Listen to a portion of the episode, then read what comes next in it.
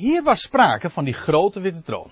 En dan lees je, als hun naam niet staat geschreven in het boek des levens, zo worden we zij geworpen in de poolvuur, dat is de tweede. Zij, deze mensen die hier opgestaan zijn en geoordeeld zijn, gericht zijn, die sterven een tweede keer. Waarom? Dat doet nu even niet ter zake, maar in ieder geval, zij komen in de tweede dood. Waarom de tweede dood? Ze waren al een keer eerder dood en nu zijn ze weer opnieuw dood. Maar gewoon nog dood. Ik wou zeggen dood gewoon, maar gewoon dood. Ja. Ja, ik bedoel, tweede dood is ook dood. Het wil alleen maar zeggen dat zij voor de tweede keer dood zijn, maar dat verandert de situatie eh, niet. Dat wil zeggen, de doodstoestand zelf is exact hetzelfde. Waarbij ik onder dood versta dat je niet leeft. Ik zeg het er maar even bij, want voor de meeste mensen is dood een andere vorm van leven. Maar de Bijbel is juist het tegenovergestelde van leven en zelfs ook het ontbreken van leven. Vandaar ook dat de Bijbel zegt, de doden weten niets. Nou, dat is weer een ander onderwerp. Maar goed. Zij komen in de tweede dood. Dus hier is er weer een hele categorie. Maakt even niet uit hoe groot. Maar in ieder geval, zij die niet, het zijn niet degenen die van Christus zijn. Want allen die van Christus zijn, die worden levend gemaakt voor de duizend jaren. Dat zagen we al eerder. In zijn parousia. Hier vindt weliswaar een opstanding plaats, maar geen levendmaking. Dit is niet het einde. En dat blijkt ook wel, want degenen die hier worden opgewekt, ze staan op, maar zij sterven een tweede keer. Een tweede dood. En gedurende deze laatste aion, eh, openbaring 21, 22, bevinden zij zich in de dood. Voor de tweede keer, vandaar de tweede dood, maar in de dood. En daarmee hebben we meteen ook de verklaring waarom Christus in openbaring 21 en 22 nog steeds heerst. Namelijk, gedurende die periode is daar nog steeds de dood. En dat kun je ook, kun je ook eh, heel duidelijk in openbaring 21 en 22 lezen, lezen, want er staat buiten zijn en dan staat er hun de, de goddeloze, de lafhartige, nou et cetera. En dan staat er hun deel is in de tweede dood aan deze periode, ik kan dit ook nog wel noemen, maar in ieder geval, ja, want degenen die hierop staan, die waren ook al dood gedurende deze duizend jaren.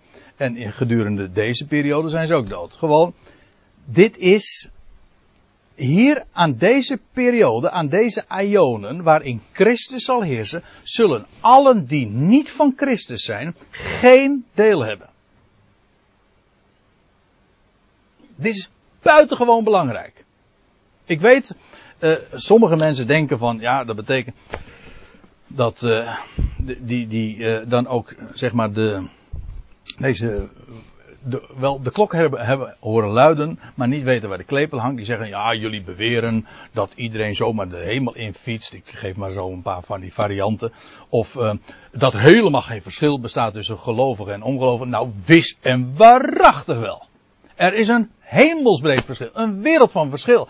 Want deze ionen, de overtreffende ionen, waar een groot gedeelte van de Bijbelse profetie, de Bijbelse belofte over gaan, waarin zij die van Christus zijn zullen delen in zijn koninkrijk. Daar, daar gaat een heel groot gedeelte, sterker nog, het grootste gedeelte van de Bijbel gaat erover. Dat degenen die niet van Christus zijn, zullen geen aandeel hebben in deze periode. Zij zijn dan dood.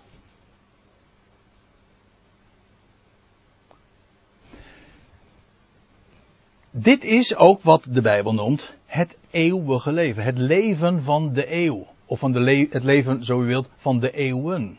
De eeuwen, namelijk het leven van de toekomende ionen. Waarin Christus zal heersen met de zijnen. Wie dat allemaal zijn en dat daar ook onder de verdelingen zijn. Dat gaan we, daar hebben we het niet over. We houden het simpel. We hebben het gewoon over de simpele indeling, de, of de afdelingen, de simpele afdelingen, de rangorde waar 1 Korinthe 15 het neerzet. En dan gaat het over levendmaking. En de laatste levendmaking vindt plaats bij, uiteraard, het einde. Dat is namelijk hetzelfde. Dan zal de dood worden teniet gedaan. En dan zal Christus niet meer heersen.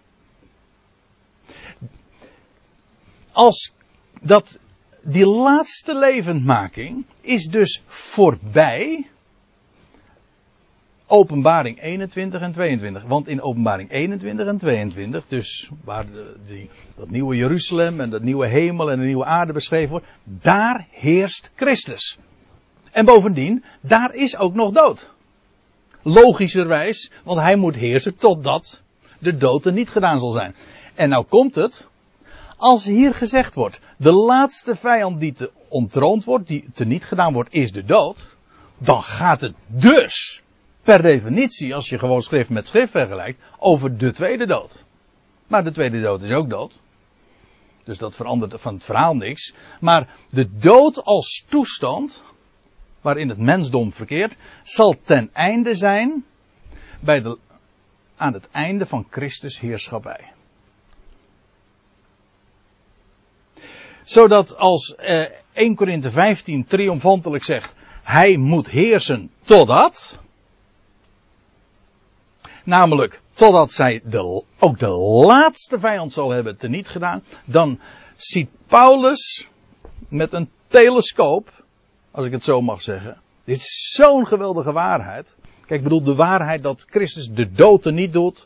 Dat is elementair in, in, ook, eh, in, ook in de andere geschriften. Maar dat Paulus dit zo geweldig uiteenzet. En dat, dat hij ook spreekt over de troonsafstand. Uh, van, dat Christus afstand zal doen van de troon. En het koninkrijk zal overdragen. En dat hij de dood zal teniet doen. Door echt ook zij die niet van Christus zijn zal levend maken. Zoals hij zelf als eersteling is levend gemaakt. Dat vind je nergens. Zoals dat hier uiteengezet wordt. Dit is zo geweldig hoogtepunt. Zo'n toppunt. Dat het leven echt zal triomferen. Dat is een, een onvoorstelbare waarheid. Dat de voorbij, dat, dat, dat Paulus dus nog verder mag blikken dan Johannes in het boek Openbaring. Die, mag, die een geweldig zicht heeft op de ionen der eonen waarin Christus heerst. Maar waar hij geen melding weet te maken of, of maakt van het feit dat ook aan de heerschappij van Christus een einde zal komen. Dat is daar niet het onderwerp, maar dat is wel het onderwerp van 1 Korinthe 15.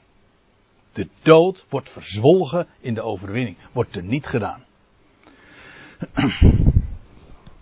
Ja, en dan wil ik nog even voordat we nog naar de laatste versen gaan, maar daar zullen we vandaag, ben ik bang, niet meer naartoe komen. Dus dat, worden, dat gaat dan toch echt uh, verschoven worden naar uh, over twee weken. Maar ik wil in dit verband graag uh, nog wijzen op een, een andere passage. De vorige keer herinner ik me, toen heb ik gewezen op 1, Korinthe, nee, 1 Timotheus 6, waar je leest over God die allen levend maakt. De God die allen levend maakt. Daarom is hij de levende God. Hij doet de dood niet. Nou, hier, dit is de tweede Timotheusbrief, de laatste brief die Paulus geschreven heeft, en dan, dan zegt hij dit. En lees gewoon even met me mee, ik zal op een aantal dingen nog uh, even extra onderstrepen. Die ons behouden heeft. Dat is trouwens, nou ga ik het misschien wat ingewikkeld maken, maar dat staat in, de, in, in een bepaalde Griekse werkwoordsvorm in de aoris, dat is een waarbij het niet gaat om het tijdsmoment, maar waarbij het gewoon het feit gesteld. Die ons behoudt. Ongeacht wanneer. Het feit wordt gesteld. Die ons behoudt. Die ons roept. Met een heilige, apart gezette roeping. En dan zegt hij erbij, niet naar onze werken. Onze verdiensten hebben er niks mee te maken. Maar naar zijn eigen voornemen. Zijn eigen plan en de genade die ons in Christus Jezus gegeven is.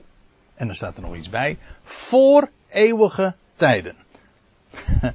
nou, uh, dit uh, sluit wel mooi aan waar ik het eerder over had. Over die, over die eeuwigheid. Hoe denkt, dit is trouwens MBG hè? Als u trouwens een statenvertaling hebt, dan staat er tijden der eeuwen. Maar laat ik nou toch altijd gedacht hebben dat de Bijbel spreekt over tijd en eeuwigheid. Maar de Bijbel kent dat niet. De Bijbel spreekt over eeuwige tijden. Een eeuwige tijd heeft een begin Dus er is sprake voor eeuwige tijden. Maar een eeuwige tijd heeft ook weer een einde. Want er is sprake van eeuwige tijden. Niet waar? Wel, voor de eeuwige tijden, of letterlijk voor Ionische tijden, voor, zoals de Statenvertaling, voor de tijden van de Ionen. Dus zie je, dat hele concept van eeuwigheid, zet het bij het grof vuil, alsjeblieft. Dat moet je van af, want het verduistert het zicht op de schrift. De schrift spreekt over Ionen, of zo u wilt, eeuwen, tijdperken. Hier is het, God roept. Heeft niets met onze verdiensten te maken, maar met zijn voornemen. Dat ons in Christus Jezus gegeven is. En dat het helemaal niks met onze verdiensten te maken heeft, dat blijkt ook wel, want het is ons gegeven voor de tijden van de Ionen. Dus voordat er ook maar iets was, was het al ons deel. Hoezo verdiensten? Zelfs voordat we geboren waren, ver voordat we geboren waren, voordat het mens er was, voordat de werelden er waren, was dat al een gegeven. Vandaar, het is zijn eigen voornemen. En wie krijgt daarvoor dus de eer? Hij. Hij behoudt, hij roept. Niet naar onze werken, maar naar zijn eigen voornemen. Het is genade, het is om niet. Het is ons gegeven in Christus Jezus. En wanneer? Wel voor die tijden der Ionen. En dan, ik lees even verder, want ik, ik ben echt niet van mijn onderwerp afgedwaald, maar dit is een mooie onderstreping, ook zo aan het einde van deze studie, van waar we het over gehad hebben. Dan zegt Paulus er voegt hij eraan toe, doch die nu geopenbaard is. Wat geopenbaard? Wel, uh, ja, dat staat er eigenlijk nog. Uh, ja, wacht even. De genade die ons in Christus Jezus gegeven is voor eeuwige tijden, maar die nu geopenbaard is door de verschijning van onze redder, heiland, Christus Jezus. De titel die hij heeft nu als de opgewekte Christus. Dat staat voorop. Christus, Jezus, die, de, en nou komt het, die de dood van zijn kracht, ja, nou zeg ik het weer eventjes bij, er staat in, de, in onze vertalingen dan, heeft beroofd, dat wil zeggen in de zin van als, alsof dat voltooid is, maar het staat al in een, uh, even kijken hoor, uh, oh, wacht even, dat staat net in de, deze weergave zeker. Oh ja, zo is het, ja. Oh, hier exact hetzelfde begrip weer, hè? Ja, we, die de dood, hier wordt het vertaald met uh, van zijn kracht beroofd. Maar in 1 Korinthe 15 werd het vertaald met ontroond. Maar het is exact hetzelfde woord. Christus Jezus, die buitenwerking stelt, oftewel teniet doet, de dood. En hier, dit is in een, ook weer die aorist. Het feit wordt gesteld. Het gaat er niet om dat het gebeurd is. Dat is ook nog niet gebeurd. Christus Jezus heeft de dood overwonnen. Dat is waar. Maar de dood is niet, nog niet en niet gedaan. Zolang er nog mensen doodgaan, zolang er nog mensen sterven, zolang er nog graven zijn, zolang er nog mensen zijn in de dood, is de dood niet teniet gedaan. Zolang er ook maar één is die nog in de dood is, is de dood niet teniet gedaan. Wel, hier wordt gezegd, Christus Jezus, inderdaad, hij doet de dood, of, of uh, ja, de dood teniet. Hij brengt, hij stelt de dood buiten werking. En wel, en, on, en onvergankelijk leven, pardon. En onvergankelijk leven brengt hij aan het licht. Ook hier weer die aoristvorm. Iedere keer als hij staat, die, die voltooide vorm, dan is het een, een feit wordt gesteld.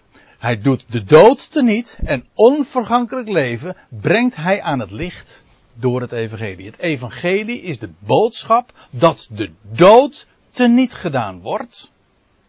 Eh, los van tijd, het feit wordt gesteld. De dood wordt er niet gedaan, dat is het evangelie, oftewel dat onvergankelijk leven aan het licht komt. Het is zo een, op zich is het zo'n eenvoudige waarheid. Maar hoe is hiermee geknoeid?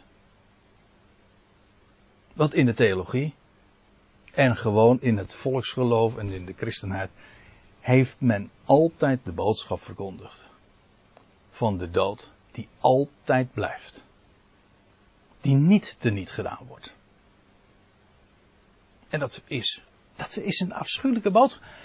Het leven triomfeert. Dat is wat het evangelie aan het licht brengt.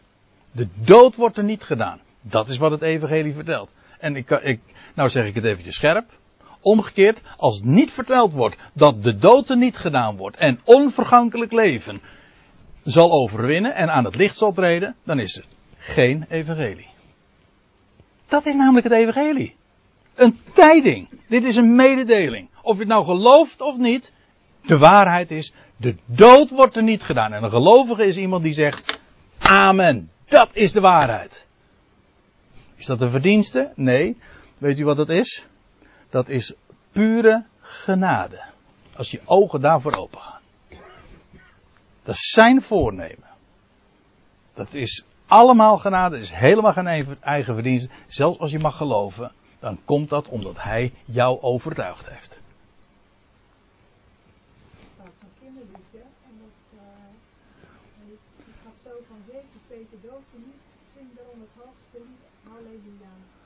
Ja. Ja.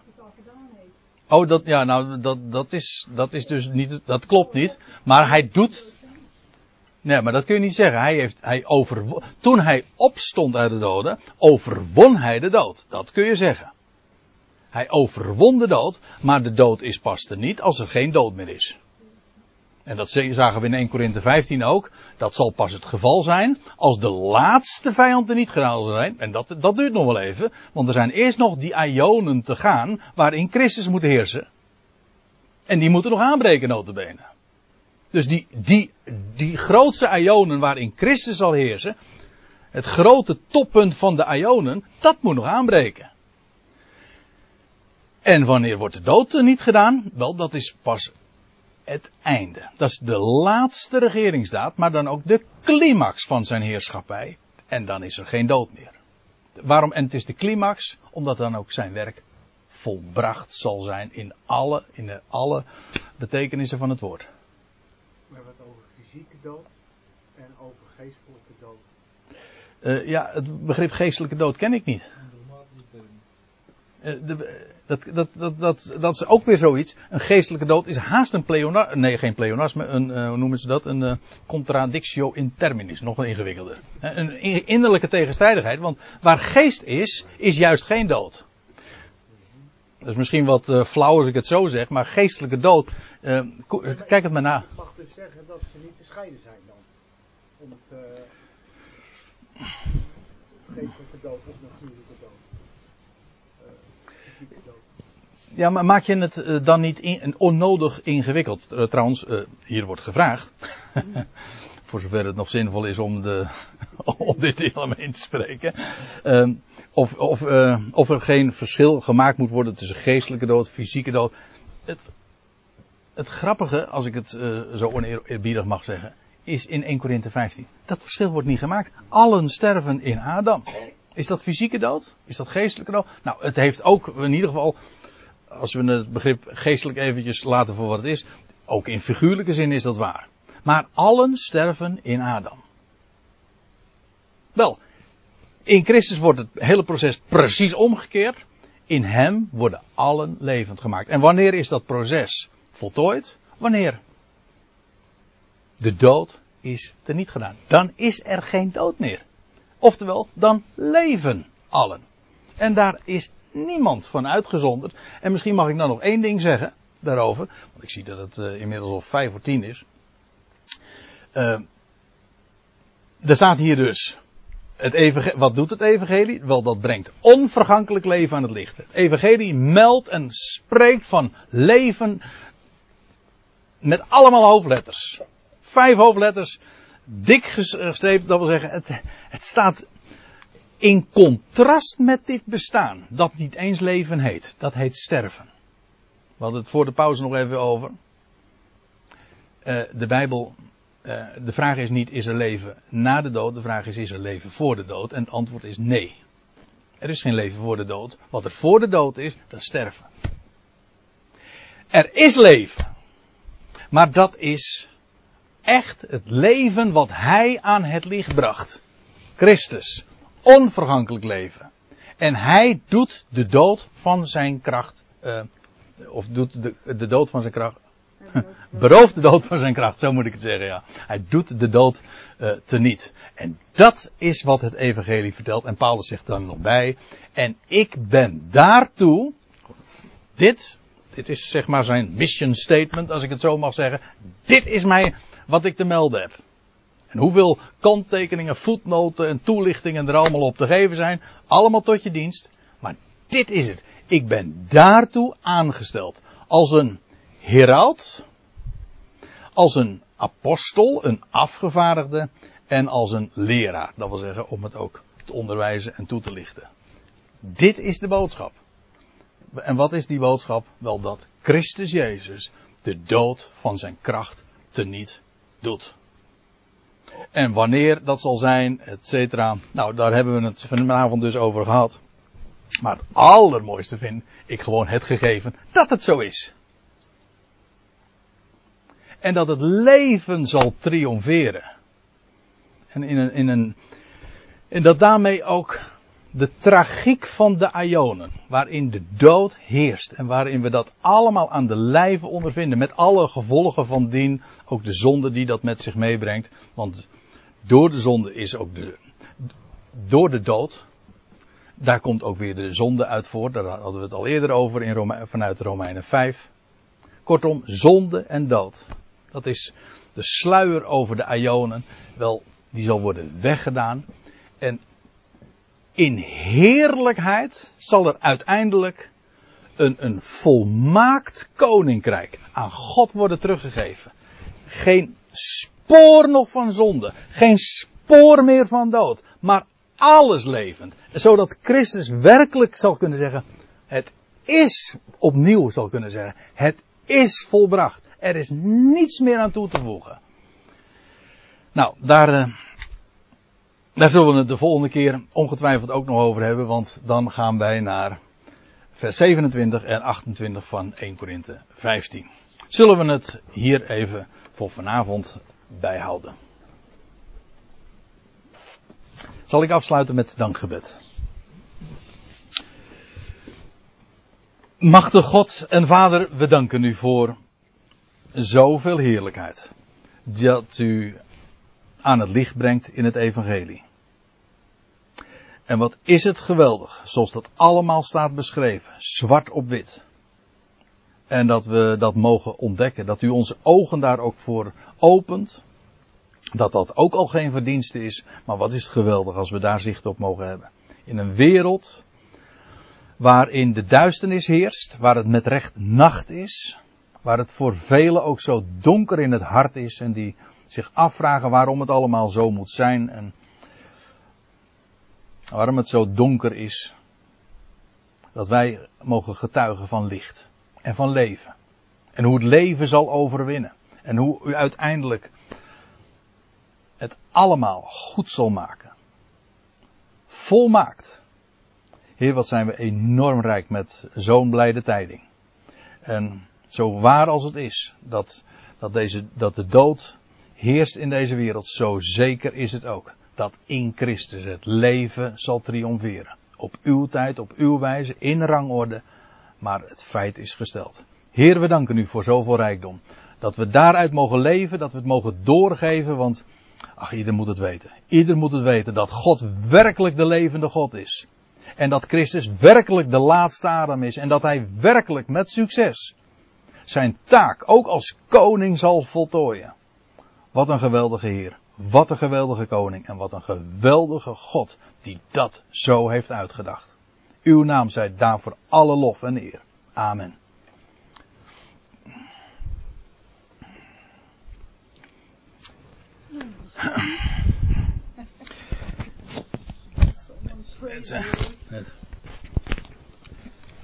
Want jij wilde nog een lied zingen, Daniel? Nou, uh, nee. Dat, dat ga ik niet in